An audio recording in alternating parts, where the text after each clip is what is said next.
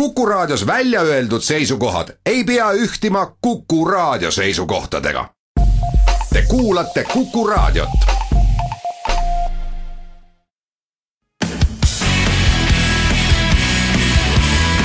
Delfi kiirtund. Delfi kiirtund, tere, Delfi kiirtund alustab. stuudios on Eesti Päevalehest Krister Paris ja Urmas Jaagant, telefonil peaks olema Piia Puuraid, kes on hetkel Brüsselis. Siit saate ka vihje ühele teemale meie tänases saates, milleks on siis loomulikult terrorirünnakud Belgia pealinnas. veel räägime Keskerakonna aina ägenevast sisevõitlusest ning sellest, kas ja kuidas peaks Eesti tänavatel, tänavatele tooma rohkem politseinikke. aga alustame siis äh, Brüsseli teemadel äh, sealses lennujaamas ja metroos toimunud terrorirünnakutest on nüüd siis möödas kolm päeva ning küsimuste mis, kus ja millal asemel hakatakse järjest enam küsima miks, kuidas ja mis saab edasi. Piia Puuraid on hetkel Brüsselis ja meil siis ka telefonil, et oled sa kuuldel? jaa, tere, olen kuuldel. tere ka sinna, kirjeldad äkki esmalt palun, kuidas sul üldse see kohalejõudmine sujus ja õnnestus, sest et Brüsselis valitses ju rünnakute päeval totaalne transpordikaos? see kohale tulek tegelikult selles mõttes, et mis siin valitses, kuidas võrd-, kuidas võrdlemisi rahulikult, et tuli võtta küll min-, mitu erinevat lennuliini ette ja lõpuks Pariisist siis rongiga Brüsselisse tulla, millega oli ka takistusi, kuid meie kohalejõudmise ajaks rongiliiklus tegelikult juba töötas siiski sellegipoolest, kuna oli varasemalt juba neid ronge ära jäänud, oli lihtsalt nii palju inimesi kui võimalik nendesse rongidesse pannud, pandud, tehtud mitu ümberistumist ja tegelikult keegi terve selle teekonna jooksul isegi ei kontrollinud neid piletit. nii et, nii et mingisugust sellist tugevat kontrolli äh, sellel hetkel enam ma ei tea, rongijaamas või, või kusagil enam nagu ei olnudki? seda kontrolli me märkasime esimesena siis, kui me Brüsseli rongijaamas välja astusime ja märkasime enda ümber umbes sadat politseinikku, et inimesi seal praktiliselt enam üldse ei olnud kell üks, üksteist õhtul, aga vormikandjaid koos koertega relvastatud, neid tõesti oli seal ikka väga-väga palju. kas, kas see, kas see valve oli selline, või see kontroll oli selline nagu, nagu psühholoogiline või nad ka tõesti kontrollisid midagi? too hetk võeti pisteliselt inimesi ette, et meie ees just üks härra äh,, kellel oli selline pillikast, tema kohe kutsuti kõrvale ja vaadati see kast läbi ja ka tegelikult minul küsiti dokumentidest, aga pigem oli see valve, ma usun, ikkagi rohkem selline psühholoogiline, et ajas selga ikka kirgeks küll. sa kirjutasid tänasesse lehte, kuidas äh, Brüsseli tänavatel on praegu nagu suhteliselt rahulik, et et kas see on selline äh, argine rahu või on see pigem niisugune nukker rahulikkus? eile oli see pigem jah, selline nukker rahulikkus, et kõik inimesed, kaasa arvatud Urmas Paet, kellega ma eile rääkisin, ütlesid, et nad ei ole kunagi midagi sellist näinud et päevasel ajal linn on praktiliselt täiesti tühi. täna ma just astusin tänavale ja vaatepilt on täiesti erinev eilsest. inimesed kõnnivad, lähevad tööle, linn on minu meelest rahvast täis. et, et nagu niisugune elurütm on nagu taastunud, et äh, jah, ja seda tegelikult need inimesed siin ise ka kohapeal rõhutavad, et et me oleme teistsugused, me ei ole võib-olla nii emotsionaalsed, nagu on prantslased, et et me tõesti hakkame, äh, et see hakkab meie elurütmi niimoodi halvama, vaid me tahamegi neile näidata, et see meid ei muuda, see meid ei häiri, me jätkame seda elu, mida me oleme kogu aeg elanud, et võib-olla see on neile kõige parem karistus. eile sa, eile sa, kui sa olid meil Delfi äh, otsestuudios, siis sa kirjeldasid, et et nagu puudub selline äh, grupipõhine viha ja, ja, ja, ja pahameel elanike seas ja kõik saavad aru, et terroristid on üksikud, et kas, kas see nagu pädeb ka, ka täna veel? jaa, ma usun kindlasti ja mind panigi üllatama see, et, et tõesti kõik, kellega ma rääkisin, ükskõik kui vanad, kui noored, mehed, naised, erinevatest, erinevate taustaga, et mitte keegi ei toonud seda ise välja, seda punkti, et lõpuks, kui ma küsisin, siis kõik kohe ütlesid ei, ei, ei, kindlasti probleem ei ole selles, me ei mõtle seda. Ja väga hästi, mulle meeldib ka tänases lehes ma kirjutasin üks noor koolipoiss, kes rääkis, just tulin koolist eksamit tegemas, et koolis elu läheb täiesti normaalselt edasi, et me ei tohi olla vihased ja me ei tohi hakata selle viha najal tegema irratsionaalseid otsuseid, vaid me jääme, peame jääma väga nii-öelda kainemõistuslikuks. ma kujutan ette, et äh, noh, lendama inimesed peavad, sellest ei pääse, ma arvan, et äh, tõenäoliselt see lennujaam seal on kui ta, ta vist veel ei ole avatud, aga siis, kui see avatakse see on laupäevani hetkese seisuga mm -hmm. veel jah, suletud. aga kuidas metroodes on, et oled sa seal käinud piilumas ka, kas seal valitseb nagu tühjus või inimesed ikka kasutavad? eile hommikupoole tõesti, kui veel võib-olla inimesed olid šokis, siis oli võrdlemisi tühjus, õhtupoole mööda kõndides olid seal pikad-pikad-pikad järjekorrad, mis oli tingitud sellest, et kõikide kotid, joped katsuti läbi, aga ainult kaks liini on hetkel avatud ja öeldud on, et see, see metroojaam, kus see plahvatus juhtub, et see jääb suletuks veel, veel paariks nädalaks. kuigi kohalikud inimesed on sellest tegelikult nördinud. Ja siin räägitakse ka sellest, et miks me jätame need asjad suletuks, pigem võimalikult ruttu teeme kõik lahti, jätkame seda normaalset elu ja tema just eh, tõi nagu eh, ka ise, ise tuli kohe meelde paralleel, kus kaks tuhat kümme olid Moskvas metroos terroriaktid, siis hakkasid rongid sõitma umbes no kuus tundi hiljem, kõik mm, -hmm. kõige, kõige hiljemalt, et kohe pandi uuesti kõik käima, sellepärast et linnas ei saa ometi elu seisma jääda. aga muidugi, mis puudutab Brüsseli eh, ehitustööde käiku, siis mulle just üks tuttav ütleb, et noh, kuna Schumanni jaamas käivad ehitustööd vähemalt aastast kaks tuhat kolm, kui tema sinna kolis, siis ta on üsna pessimistlik selle suhtes, millal nad päriselt lahti tehakse jah, jah, see Schumanni jaam just tegelikult nii-öelda mitteametlikult oli avatud mõni aeg tagasi ja nüüd siis jälle läks kinni. oled sa märganud ka seda äh,, tähele pannud, mismoodi ütleme siin Eesti meedias on ja ka mujal on nüüd hakatud järjest rohkem rääkima sellest, et kas Belgia võimud ikka saavad selliste asjadega nagu hakkama, et äh, kas, kas sealt koha peal nagu kostab mingeid, ma ei tea, kas siis süüdistusi või siis selliseid küsimusigi siis, et, et kas ikka, kas me ikka tuleme toime selle äh, kas meie võimud tulevad selliste asjadega toime?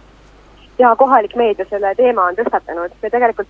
ka inimesed siin kõik, kellega tänaval rääkida, ikkagi süüdistatakse valitsust. Öeldakse, et see on see veerand sajandit võimul püsinud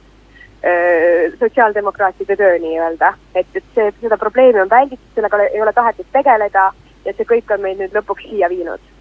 mm. -hmm. Uh, aga aitäh sulle mm, praegu, Piia uh,, jõua, jõua ja tahan veel omalt poolt lisada, et kindlasti tasub lugeda homset laupäevast lehte, sest me käisime selles linnajaostis, kus väidetavalt kõik need, nii ka Pariisi kui Brüsseli rünnakute toimepanijad pärit on, rääkisin seal inimestega ja nii-öelda märksõna võib olla see, et kohalike inimeste suud on lukus, meediat kardetakse, inimesi kardetakse, mitte kellegagi ei soovita seal rääkida.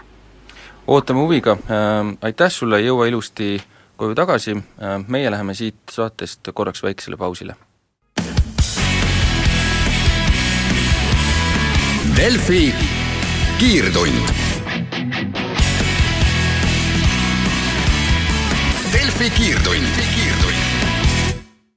Delfi kiirtund jätkub äh, ja jätkame ka arutelu äh, Brüsseli terrorirünnakute teemal. Ähm, Krister, Belgia politsei ja vastuluure saavad praegu avalikkuse poolt ikka koledal kombel koslepit, et äh, noh, me muidugi ei tea sealseid kohalikke olusid nii täpselt võib-olla, et siin detailsuseni seda asja hinnata, aga üleüldse, kas sulle tundub, et see äh, nende, nende faktide põhjal, mis meil teada on, et kas see kriitika on nagu õigustatud? noh, nagu meil ka Raimo Poom vist tänases lehes kirjutab, et noh, politsei on niivõrd alamehitatud ja niivõrd alafinantseeritud, et kelle aadressil seda kriitikat nüüd täpselt äh, edastada, et see on, see on äh, iseküsimus, et see, et kui võimud tervikuna on olnud mittesuutelised tulema toime needsamad inimestega, kes on tegelikult pärit ju mitte kuskilt sisserändajad, mitte sellised tundmatud näod, vaid kes on üles kasvanud sealsamas keskel, äh, see on noh, arusaadavalt täiesti, täiesti õigustatud, et või, võidakse küll ju tuua mm, näitena, et kui, kui kaua läks USA-l aega, et tabada Osama bin Ladenit, aga ikkagi äh, see Abdel Salam, äh, kes saadi kätte Molenbeeki linnaosast, äh, elas ju seal praktiliselt ikkagi täiesti nina all ja, ja, ja neli kuud ja kõigest mingi paar tänavavahet eemal oma, oma kodust, lihtsalt sealt siis võrgustike kaitse, kaitse all. no teine asi muidugi, ma tegin eile intervjuu ühe Taani väga tuntud ajakirjanikuga, kui asi puudutab eh, just nimelt islami äärmuslust ja ta nimi on Jakob Sheikh, ta on Taani poliitikani ajakirjanik, on käinud eh, viimase sõja jooksul ka vist neli korda Süürias ja just eh, hiljuti kirjutas ka põhjaliku artikli äärmuslastest Brüsselis. ja see osa, mis meil ka lehti ei mahtunud, aga ta tõi just välja, et ta, et seal nagu osaliselt võib, võib rääkida sellisest nagu paralleelsest äh, Äh, siis äh, islami noh, te kasutate sõna, sõna militant, mis see on siis, need võitlejad, islami võitlejate nagu maailmast, et see võib olla natuke nagu liialdatud, aga see on nagu sellised nagu paralleelsed struktuurid, et ongi nagu kaks maailma, mis omavahel ei pruugi teatud juba tasemest alates väga palju kokku puutuda, ehk siis kui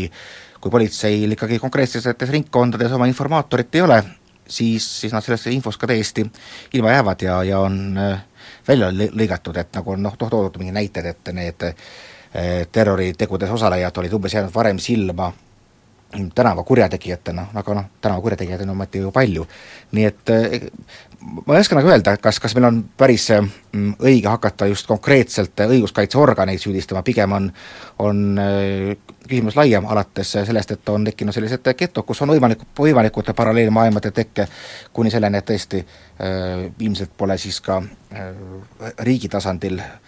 pe-, peetud siiamaani väga vajalikuks neile piisavalt ressursse anda. no kui ma käisin tegemas äh, meie kaitsepolitsei peadirektori äh, Arnold Sinisaluga intervjuud, siis äh, ma jäin nagu mõtlema korra selle peale, et et jah, me võime nagu siin, kui midagi juhtub, siis me saame nagu kritiseerida ja öelda, esitada niisuguseid küsimusi, et ei saadud nagu hakkama,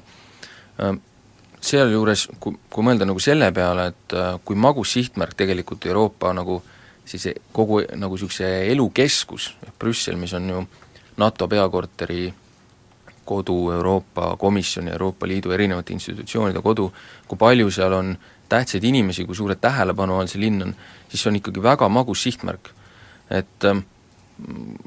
siit tekib nagu küsimus, et kas me tegelikult üldse tahame teada, kui palju taolisi rünnakuid võib-olla on üldse ära hoitud, et et äh, kui, kui politseil oleks voli võib-olla avaldada sellist informatsiooni, mida neil ei ole, äh, siis võib-olla me noh, ma ei tea, võib-olla seal on sadu, millest nüüd üks läks õnneks, eks, et selles mõttes me tegelikult ikkagi päris täpselt ei tea, millega me peaksime võrdlema. ja sedasama äh, Jacob Sheikh tõi ka välja, et tegelikult on äh, islami äärmuslaste võrgustik selline aktiivsus kui siis pigem kahanenud Belgias, et seal hiljuti võeti kinni grupp nagu Sharia for Belgium ehk siis šariaat äh, Belgia jaoks, äh, kümned inimesed nende võitlejate seast ja nende juht mõisteti just eelmisel kuul ka kaheteistkümneks aastaks vangi. ja ütleme, et noh, pärast seda on selgelt, ütleme niimoodi, uute liikmete nagu värbamine ja ja üldse aktiivsus on, on vähenenud ja, ja nagu äh, Eerik-Niiles Kross, ka meie julgeolekuekspert meil stuudios mainis, et noh, kui me, kui me mõtleme selle peale, mis missuguse ulatusega terroriakti oleks võinud teha, siis ega noh, küüniliselt võttes need pommid ei olnud üldse suured, et äh, tegelikult see nagu viitab, et see jah, ta oli koordineeritud, mis viitab kahtlemata võimekusele koordineeritud rünnakud ette võtta, aga noh, ta ei olnud nagu selle ulatusega, mis nagu tegelikult või, või võiks korraldada, kui keegi tahaks asja tõsi, tõsiselt ette, ette võtta. jah, noh, ütleme lükata sinna check-in'ide ette äh, kaks sellist ehm, kahekümne, kaht-, kakskümmend viis kilo mahutavat kohvrit äh, täis lõhkeainet poleks vist tõenäoliselt väga suur probleem, edaspidi tõenäoliselt on, aga seni ei ole olnud. et jah, tõesti, et, et see võib-olla näitab, et see oli äh, nagu kiiruga ette valmistatud ja ja see oli vaja nagu ruttu ära korraldada. aga kas selles juhtumis on midagi sellist ka, mida me siin Eestis nagu peaksime tähele panema, mida me saaksime õppida, et siin julgeolekujõud meil on Äh, korrutanud ja ma usun, et neil on ka õigus, et Eestis mingit sellist otsest ohtu ei ole, äh, aga, aga on siin nagu midagi sellist, mille, millest me saaksime nagu õppida või midagi, mida kõrva taha panna? no kui me üldse nagu mõtleme niimoodi mm, pikas perspektiivis, siis siis kindlasti on, et äh, üks põhjus, mispärast mm, Belgia pealinn on äh, noh, öeldakse, et kõige suurema džihadistide kontsentratsiooniga, vähemalt see Molenbeeki linnaosa kogu Euroopas, põi-, peitub väga kauges ajas, nimelt äh, Alžeeria kodusõjas, kus inimesed alguses äh, põgenesid Prantsusmaale, pärast osad nendest, kes korraldasid Prantsusmaal kaks tuhat viis äh, metroorünnaku, põgenesid Brüsselisse, ehk väga paljuski nendest islamistidest on kuskil mingi ammuses kauges kodusõjas saanud treeningud ja, ja ütleme, alles praegusel hetkel on siis see asi kuidagi jõudnud niimoodi tänavatele. et noh, Ahto Lobekas, kes on ka ise elanud pikalt Brüsselis, tõstis just esile, et selline, siiamaani nagu toimis selline vaikine kokkulepe, et noh, hea küll, et ongi nagu paralleelsed maailmad, et teie seal äh, elate oma nii-öelda imaamide ja mošeede ümber ja, ja meid ei puutu ja aga siis noh, meie nagu julgeoleku jõud teid ka väga ei puutu ja see noh, võib küll, praegu me vaatame, et see on nagu viga, aga ometi hoidis see siiski ütleme, rahu umbes kolmkümmend kuni nelikümmend aastat, nii et sellised asjad on nagu väga pika vinnaga ja tegelikult on võib-olla isegi praegu nagu raske öelda, mis siis on õiged otsused, et noh, selge, on mingid asjad, asjad on elementaarsed, et tuleks iga hinna eest, kui tulevad ütleme, mingisugused äh, kogukonnad äh, mingitest piirkondadest, üritada neid hajutada, mitte lasta üheskoos tekkida, kuidas see inimeste vaba liikumise puhul võimalik on, on, on hoopiski eriküsimus. päris huvitava näiteks tähelepaneku tegi Rein Taagepera mulle antud intervjuus, kes ütles, et et väga-väga ähm, paha on, kui tulevad inimesed ainult ühest piirkonnast, ühest kultuuriruumist et kui meil on nagu niikuinii tuleb sisseränne, siis võiks neid kuidagi näiteks tasakaalustada, et, et ei oleks mitte ainult ütleme siis Lähis-Ida ja, ja Araabia päritolu, vaid ka näiteks ütleme, Vietnami oma taustaks, et see nagu selline miks oleks selline suurem ja, ja ja see võib-olla aitaks sellist kontsentratsiooni vähendada. aga mis puudutab jah, nagu konkreetseid öö, turvameetmeid, ma, ma ei oska öelda, aga kõik need, mis nagu siiamaani on tulnud nagu meediasse välja, jätavad sellised nagu noh, veidikene kummalise mulje, et osaliselt on selline nagu küsimus selgelt psühholoogiline, noh, Sven Mikser vist ka umbes viitas millelegi, millelegi taolisele eilses stuudios, et, et no me peamegi teinekord, ütleme, pärast terroriakte tõstma lennujaamades nähtavat turvalisust, et inimesed saaksid mingisuguse kindlustunde kätte, aga noh, igaüks saab ometi aru, et, pärast rünnakuid on see natukene rohkem niimoodi õhus rusikatega vehkimine. aga mis puudutab näiteks ütleme, reisijate profileerimist ja andmete kogumist, see on juba natukene selline äh, ähm, vaielda küsimus, kus on ometi mitmeid koolkondi, et, et ühed ütlevad, et ähm, nii-öelda pärast olu, taolist olukorda, kus neid terroriste oleks saanud välja selgitada täiesti olemasoleva info põhjal, laiendada mingisugust üleüldise andmete kogumist on pigem äh, omane totalitaristlikele riikidele, pluss viib kergesti rassilise profileerimiseni, mis omakorda võib viia solumiseni, mis omakorda võib viia terrorismini, ehk ma ei oska nagu öelda, et kas selline nii-öelda öö, äh, üks, üks, üks hästi oluline asi minu arvates on see, et et mida ka Arnold Sinisalu tõi välja, et nüüd hästi tähelepanelikult tuleb jälgida neid inimesi, kes üritavad minna või püüavad käia Süürias kodusõdades nagu võitlemas, et et nende inimeste nagu kontrolli all hoidmine või nendel silma peal hoidmine on nagu noh, äärmiselt oluline. et sealt saadav õpe, sealt saadav mõtteviis võib osutuda ühel hetkel väga ohtlikuks siit läheb äh, Delfi kiirtund nüüd uuesti pausile, kuulame ära uudised ja pärast seda eetris tagasi. Delfi kiirtund. Delfi kiirtund, kiirtund. Delfi kiirtund jätkub, stuudios endiselt Krister Paris ja Urmas Jaagant. Äh, lähme edasi järgmise teemaga, äh, milleks on siis Keskerakonna siseheitlused, mis äh, aina ägenevad mm,. Edgar Savisaare, Leeri ja Kadri Simsoni toetajate vahel on äh, nii-öelda võitlus läinud siis tõesti väga tugevaks, kuigi erakonna juhatus soovitas Savisaare juhtnööride järgi valida eile, eile fraktsioonijuhiks siis Jaanus Karilaiu, siis Simson saavutas suhteliselt sellise savisaarelike võtetega ikkagi selle, et ta jätkab oma ametis. ja vähe sellest, ta puksis kõrvale ka Äh, Savisaare-meelsed aseesimeeste kandidaadid mm.. vaat sina just ise kirjutasid, et äh, nüüd defineeri palun lahti savisaarelikud meetodid, see on päris, päris huvitav iseenesest. savisaarelik meetod, vot see ongi umbes midagi sellist, kus sa äh, teed asjad nii, et tulemus oleks sulle soodne, et et täpselt seda Kadri Simson ka tegi, kasutades ära tegelikult ausalt öeldes oma nagu seda positsiooni, et äh, põhimõtteliselt senimaani on olnud nii, et aseesimeeste valimisel, nagu ka esimehe valimisel fraktsioonis, on igal saadikul üks hääl. Ehm, see oleks siis tähendanud seda, et ütleme, Simsoni inimene, Simsoni leeri toetaja siis toetab näiteks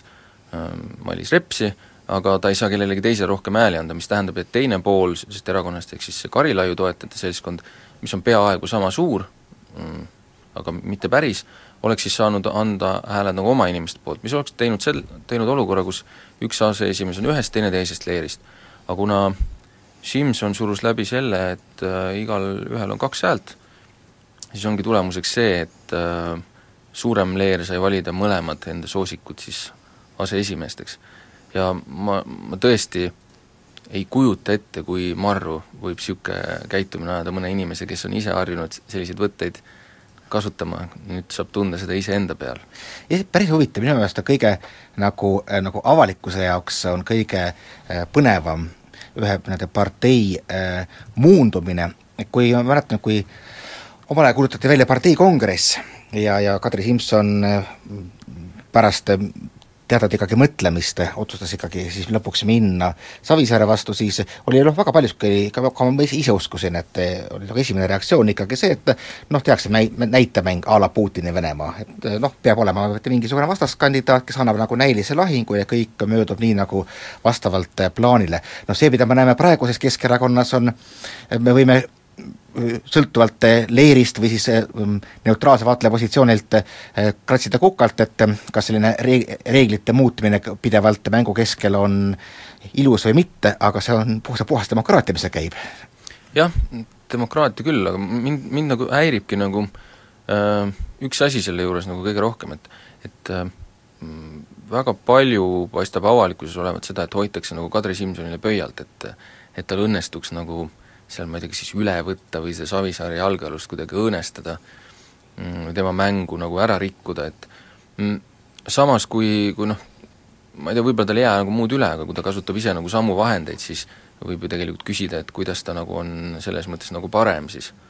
et, et äh, kui võetakse kasutusele täpselt needsamad võtted ma saan aru, et noh, laiemas laastus ju on kõikvõimalikes kohtades, kus on võimul, ütleme, mingisugune diktaator või autokraat nendes riikides. Ja kui opositsioon eh, tuleb võimule ka kasutades mingisuguseid no mitte kõige ilusamaid meetodeid, sageli on tegelikult selleks ütleme, revolutsioon või muu, siis on just, et põhiküsimuseks alati, kuidas mitte muutuda samasuguseks nagu see, kes on parasjagu võimul ja, ja sageli on see võtmeküsimus, millele vastust ei leitagi. Ja kokkuvõttes tuleb, tuleb suur pettumus. iseenesest, mis huvitav oli nagu äh, selle puhul, mis praegu nagu on välja toodud äh, Keskerakonna ehituste puhul, et kui, kui siiamaani on Savisaar olnud väga osav äh, lõhestamises ja just nimelt inimeste üks-ühele masseerimises, aga ennekõike selles, et ta suudab mitte lasta tekkida omaenda vastu ühisrinnet, siis siin on nagu no paaris kohas nagu märgist mööda lastud juba kõigepealt see, et võtta ette tandem mustad, noh piltlikult siis Kadri ja, ja tema, tema, ja tema isa ehk kaks väga tugevat isiksust, kes selle kokku pannes, nagu näha, on antud hetkel, hetkel ikkagi nagu pigem, pigem võitmas, et minu meelest on tegemist tugeva taktikalise äh, valearvestusega võtta, ühesõnaga ise valida lahing, milles sa kindlalt ei võida ehm, jah, see ei ole üldiselt Savisaare moodi, et kui ta midagi, mingi otsuse teeb, siis ta tahab olla, ma olen nii aru saanud, või nii kindel kui võimalik selles, et ta sellest nagu võitjana puhtalt välja tuleb. aga kummaline on see, et, et äh, neid katseid on olnud teisigi ju seal erakonnas nagu mingeid positsioone üle võtta, aga aga senimaani pole asjad kunagi jõudnud nii kaugele, nagu nad praegu on jõudnud, et et kui me vaatame nagu selle peale, et et kuus abilinnapead, mm, kes on kõige väliselt nagu kõige lojaalsemad inimesed üldse, et ka Savisaare läksid kõik koos hundisilmale ja hakkasid seal rääkima juttu, et et äkki teeks nii, et äh, Edgar, et sa nüüd lähed äh, volikogu esimeheks hoopis ja hoiad seal ohje ja siis äh, loobud siis linnapea koha pealt, muidugi Savisaar saatis nad kõik puu taha, aga lihtsalt juba iseenesest see mõte, et need, need, kes on nagu Tallinna teemadega tegelenud või seda jäl-, jälginud, siis kui neile öeld-, nagu kujutada korra ette, kuidas Tallinna abilinnapead lähevad ütlema Edgar Savisaarele, et tule linnapea postilt ära, siis see on küll midagi sellist, mida ma ei ole küll ammu näinud, et see, see meenutab kõik mingisuguseid ähm, ütleme, paleepöördeid ja paleepöörde katseid ajal, kui, kui Nõukogude Liidu esimeseks meheks oli Nikita Hruštšov, et esimene kord eh, tal õnnestus selline vandenõu enda vastu, eh, enda kasuks pöörata, teine, teinekord enam, enam mitte, et siis võeti, võeti nagu õppust ette kah, et väliselt oli just nagu monoliitne, aga tegelikult selline pigem eh, suuremat sorti käärimine käis. jah, ma, ma lihtsalt arvan, et, et neid, kõiki neid samme ei oleks nagu ette võetud, kui, kui nagu poleks mingit üldist tunnetust, et praegu on nagu niisugune võimalus olemas, et et äh, ju siis nagu ma ei tea, kas tajutakse, et äh, et äh, Savisaar on mingeid positsioone kaotanud või ta ei ole enam nii, tal ei ole nii suurt mõju kui varem, sellepärast et et minna näiteks üks, ütleme, kui üks linna asejuht oleks läinud hundisilmale ja hakanud sellist juttu rääkima, noh siis ta oleks sealt tagasi tulnud ühe paberiga, kus on tal lahkumisavalduseks et ähm, nüüd nagu julgetakse niisuguseid samme teha, siis see ikka näitab, et midagi on väga tõsiselt muutunud. ja see kõik on muutunud ühe aasta jooksul, mul just eile tuletas Facebook meelde ühe, seoses ühe postitusega, et äh, on just aasta sellest, kui, kui Savisaart ähm, noh, tabas või, või anti, anti avalikkusele teada mm, raskest operatsioonist, mis talle tehti. ehk siis äh, kõigepealt tervisehädad, millest ta võttis tükk aega taastumine aega ja, ja siis äh, noh, pärast seda järgnenud õiguskaitseorganite no ma ei, ma ei oska nüüd öelda, kas, kas see sõna turmtuli on õige, pigem ma, ma tahaks ikka uskuda pigem seda, et et tõesti lihtsalt äh, lähtutakse olukorrast, kus äh, on mõttekas koondada äh, erinevad süüdistused kõik ühtekokku, et inimene ei peaks olema mitu korda kohtu ees, aga ka ütleme, kui vaadata asja näiteks Savisaare ja tema toetajate poole pealt, siis ilmselt nad mingisugust sellist teatavat noh, raketilööki tunnetavad, et noh, arusaadavalt kui vähegi mõelda, mis on selle asja loogiline tulemus ja mõelda ka enda nii-öelda potentsiaalsele võimupositsioonile Eestis tulevikus, siis ju, ju, ju selge, et äh, see ilmselt Savisaar ei ole nagu juht, kes veel ütleme, viie aasta pärast oleks sind, oleks sind kuidagi toetamas ja kus, kus, kuskile vedamas. jah, ta võib äh, midagi juhtida, aga küsimus on selles, et mida, et et seda, et noh, ise ta ei tule ära kindlasti kuhugi, aga aga lihtsalt huvitav saab olema näha tema vastureaktsiooni, et et need vastureaktsioonid pole jäänud kunagi tulemata, ka pärast kongressi äh, Äh, kus ta napilt esimeheks tagasi valiti, järgnesid ju hulgalised sellised väiksemad ja suuremad karistusaktsioonid. aga need ei ole läinud tal kuigi edukalt, kui vaadata näiteks, et osades piirkondades on ta Simsoni leerile samamoodi kaotanud, nii et et saab väga huvitav olema jälgida, mismoodi, mm, mida toovad nagu järgmised nädalad, sellepärast et äh, nagu Simsoni leeri inimesed ise on äh, Äh, öelnud, et neil ei ole mingit illusiooni selle koha pealt, et see asi nagu sinnapaika jääks, et no see, noh jällegi, kui ma toon paralleeli ütleme, kunagiste Nõukogude juhtorganitega, siis kui mingi hetk hakkavad liiga paljud tunnetama, et, et nemad võivad, võivad olla puhastuse käigus järgmised, siis, siis on juba juhile muutumas endale väga ohtlikuks. Siit läheb Delfi kiirtund äh, pausile, siis jätkame saate viimase osaga. Delfi kiirtund. Delfi kiirtund. Delfi kiirtund jätkab äh, saate viimase osaga, äh, mis, mille jooksul räägime politseinikest, et äh, PPA peadirektor Elmar Vaher andis meile nädala lõpu lehele intervjuu, kus ta ütles otse välja, et tema tahaks saada tänavatele juurde kakskümmend politseipatrulli, mis siis tähendaks kahtsadat politseinikku ja kuue miljoni euro suurust äh, kulu aastas siis riigile. Äh, Vaher käis selle idee välja pärast äh, jõhkrat peksmist Tartus ja pussitamist Paides, kuid mulle tundub, et Brüsselis toimunu asetab selle politseijõudude tugevuse küsimuse veel eriti teravasse nagu konteksti, et et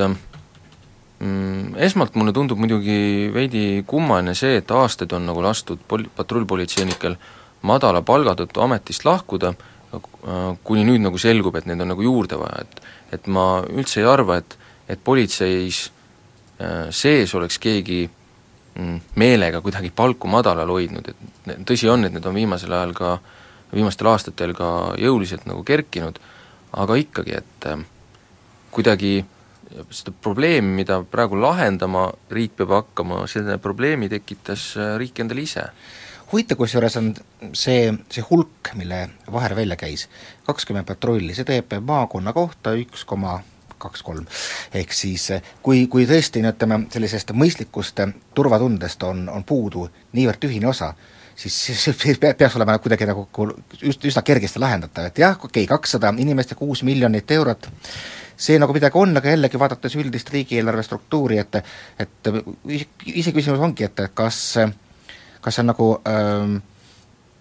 kas, kas nagu päriselt on midagi, mis, mis midagi piisavalt nagu kardinaalselt muudaks, et kas on nagu äh, noh, au, au, ausalt välja käidud arv või, või lihtsalt oleks, loomulikult on politseile parem, kõikidele struktuuridele alati on parem, kui on natukene äh, rohkem rahvast, aga kas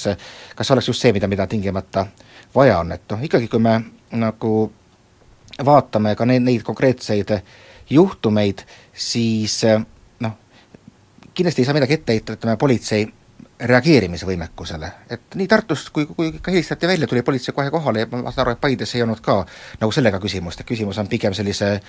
üleüldise äh, inimeste õiguskuulekuse tagamisega ja, ja sellega, et miks sellised noored kaagid üldse on, on, on väljas, mitte, mitte, mitte, mitte läbimas näiteks äh, erinevaid rehabilitatsiooniprogramme või siis äh, halba, halvematel juhtudel kuskil okastega traadi taga.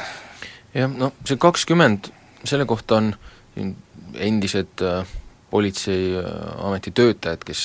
praegu näiteks jõudnud poliitikasse, on on öelnud, et see tegelikult ei ole vähe. et äh, see võib tunduda nagu väike number tõesti, kui sa jagad maakondade peale ära, aga noh, tõenäoliselt enamik äh, neist läheks nagu linnadesse mm,, see toob nagu tänavale ikkagi nagu nende sõnul sellist nagu politsei nagu nähtavust juurde, et et kui kui ütleme, mingisuguse löömingu koha mingisuguse juurest on nagu läbi läinud politseipatrull just, siis on noh, võib arvata, et need inimesed, kes seal parasjagu õues on, et need nagu lähemal ajal seal üksteist, üksteisega nagu nügelema ei hakka, et et noh, politsei liigub ringi, äh, aga kui teda näha ei ole, siis tekib niisugune karistamatuse tunne või et keegi nagu ei, keegi ei jälgi ja noh, tehakse võib-olla igasuguseid rumalusi, et vot jah, hästi palju on ju räägitud politsei asendamisest tehniliste abivahenditega, kas ei ole mitte sama Vaher, kes mainis, et need öö, turvakaamerad, mida, mida järjest rohkem tekib, no Eesti küll ei meenuta veel kuidagi Londonit, aga, aga ikkagi, et nendest umbes pooled on suisa butafooria ja ülejäänud pole kindlasti mitte piisavad, et tõendada inimeste osalust kuskil kakluses. ja ma olen ka kuulnud niisugust juttu, et need on lihtsalt nagu mulaažid, et need, need on ka mujal kasutusel, et üks väga äh, väga levinud viis, kuidas näiteks oma, mida ma olen kuulnud, oma kodusid kaitsta, sa kleebid omal ukse peale selle turvafirma kleebise. et ju neid kuskilt saab, et et sa ei pea selleks seda, kui sul on rahajuht olema, ei sa pea seda signatsiooni paigaldama. Ehm, aga just mm, mis selle kahekümne patrulli töösse nagu puutub, et ehm, sa ütlesid ka enne seda, et see riigieelarve mõistes see raha nagu ei ole suur. samas on äh, riigieelarvega on see häda, et et äh, seal on nii palju valdkondi, kes kõik ootavad samamoodi seda kuute, omale seda kuute miljonit, et äh, ütleme, kümmekond äh, soovijat ja meil on kuuskümmend miljonit, et no just, ja nüüd kui taheti tõsta trahviühikut kahekordseks, mis no minu meelest nagu õnneks läbi kukkus, minu meelest oli natukene see läbimõtlematu, siis oli ju näha, et üks argumente selleks oli riigieelarvesse kirjutatud vist täiendavad kümme miljonit, et kus oleks siis võinud ka politseinikele raha tulla. Aga no, ma vist julgeks tegelikult isegi öelda, et see oli üks pea, kui mitte ainus, siis äh üks vähestest põhjustest, miks seda üldse vaja oli no täpselt, sellepärast et ma ei ole veel kuulnud, et oleks kuskil probleeme sellega, et mõne trahvi nagu maksimummäär on li-, liiga väike ja seda ei ole võimalik nagu rohkem inimesed kätte saada, et see oli ikka pigem selliste tavarikkujate noh, vot hästi palju tuuakse selliseid nagu, nagu toodi selle trahviühiku tõstmise puhul välja, et nojah, aga ega politsei ju ei tee maksimumtrahve, see annab lihtsalt rohkem alati võimaluse olla, olla paindlik ja puha, miskipärast kui kui rääkida inimestega, kes on erinevatel põhjustel eh, sattunud eh, politsei huviorbiiti, no ütleme enamasti kiiruseületamised ja muud taolised rikkumised, siis kuidagi eh, väga sageli ikkagi jääb nagu inimese jaoks selline tunnetuslik äh, ebaõiglus kõlama, et no ei, ei ikka nagu, kes suhtute minusse mit-, mit-, mitte mõistvalt, no selge, ta oli rik-, rikkunud seadust ja tal nagu ei jää kuidagi mulje, et äh, politseinik äh, just tingimata kaalus ka ütleme, kergemat varianti, ehkki jällegi ma olen kohanud inimesi, kes ütlevad, et väga kergesti antakse ka siiski ainult hoiatusi ja päästetakse, pääseb ka ka niisama minema, et mul on just ootamas üks arvamuslugu ühelt ettevõttelt, kes tegeleb suurte ja raskete veostega ja nemad kordavad ka, et nad nagu tunnetavad pidevalt, et midagi võetakse selle kampaania käigus ette ja siis ei, ei aita mingisugused paindlikkused ega, ega mõistlikud jutud, vaid kui on ikka ette nähtud, et tuleb midagi ette võtta, siis siis nad selle trahviga kätte saavad, eks jällegi see on, see on tunnetus, aga kui sellega kaasneb ka kaks korda suurem trahv, siis usaldus politsei vastu kahjuks ei tõsta. jah, seda küll, muidugi selle juures, selle kõige juures tuleb muidugi märkida seda, et äh, kõige targem, ükskõik mis need trahvimäärad on, kõige targem on nagu elada ja asju, ajada oma asju nii, et sa ei pea trahvi saama. et siis ei teki probleeme ükskõik millisest summast. aga jah, see kampaaniapõhisus, et ma hästi loodan, et et see ütleme, kahekümne patrulli nagu juurde soovimine või selle nagu paberiga äh, riigieelarvest nagu raha küsima minek, et, et see ei ole nagu selline kampaania korras asi, et et tõde on ju see, et ega me ei näe seda niipea, neid kahtekümmend lisapatrulli, et oletame, et kui siin hakatakse koolitama uusi inimesi, see võtab vähemalt poolteist aastat ähm,. just, täpselt, kui sa enne just rääkisid, et ka, ka küsimusest, kes mida tahavad, siis ma usun, et noh, üks asi, asi on pikemas perspektiivis haridus, aga teine, kus me ju pidevalt praktiliselt igaüks kogeb enda nahal, milline on hi-, hiiglaslik raha puudujääk äh, tervishoius, et kas äh, kui me nagu hoolime üldse inimeste turvalisusest, et kumba siis oleks nagu rohkem mõtet panna, et see on noh, täpselt küsimus, küsimus poliitikutele, praegusel hetkel just kaks sellist äh, avalikku tähelepanu pälvinud juhtumit loomulikult andsid võimaluse, võimaluse küsida juurde seda kõike. nii et loodame, et nii Eestis kui ka mujal maailmas turvalisuse peale mõeldakse nüüd väga tugevalt ja me näeme ka mingeid muutusi. Sellega Delfi kiirtund äh, tänaseks lõpetab, täname kõiki kuulajaid, järgmisel nädalal kohtume veel jälle.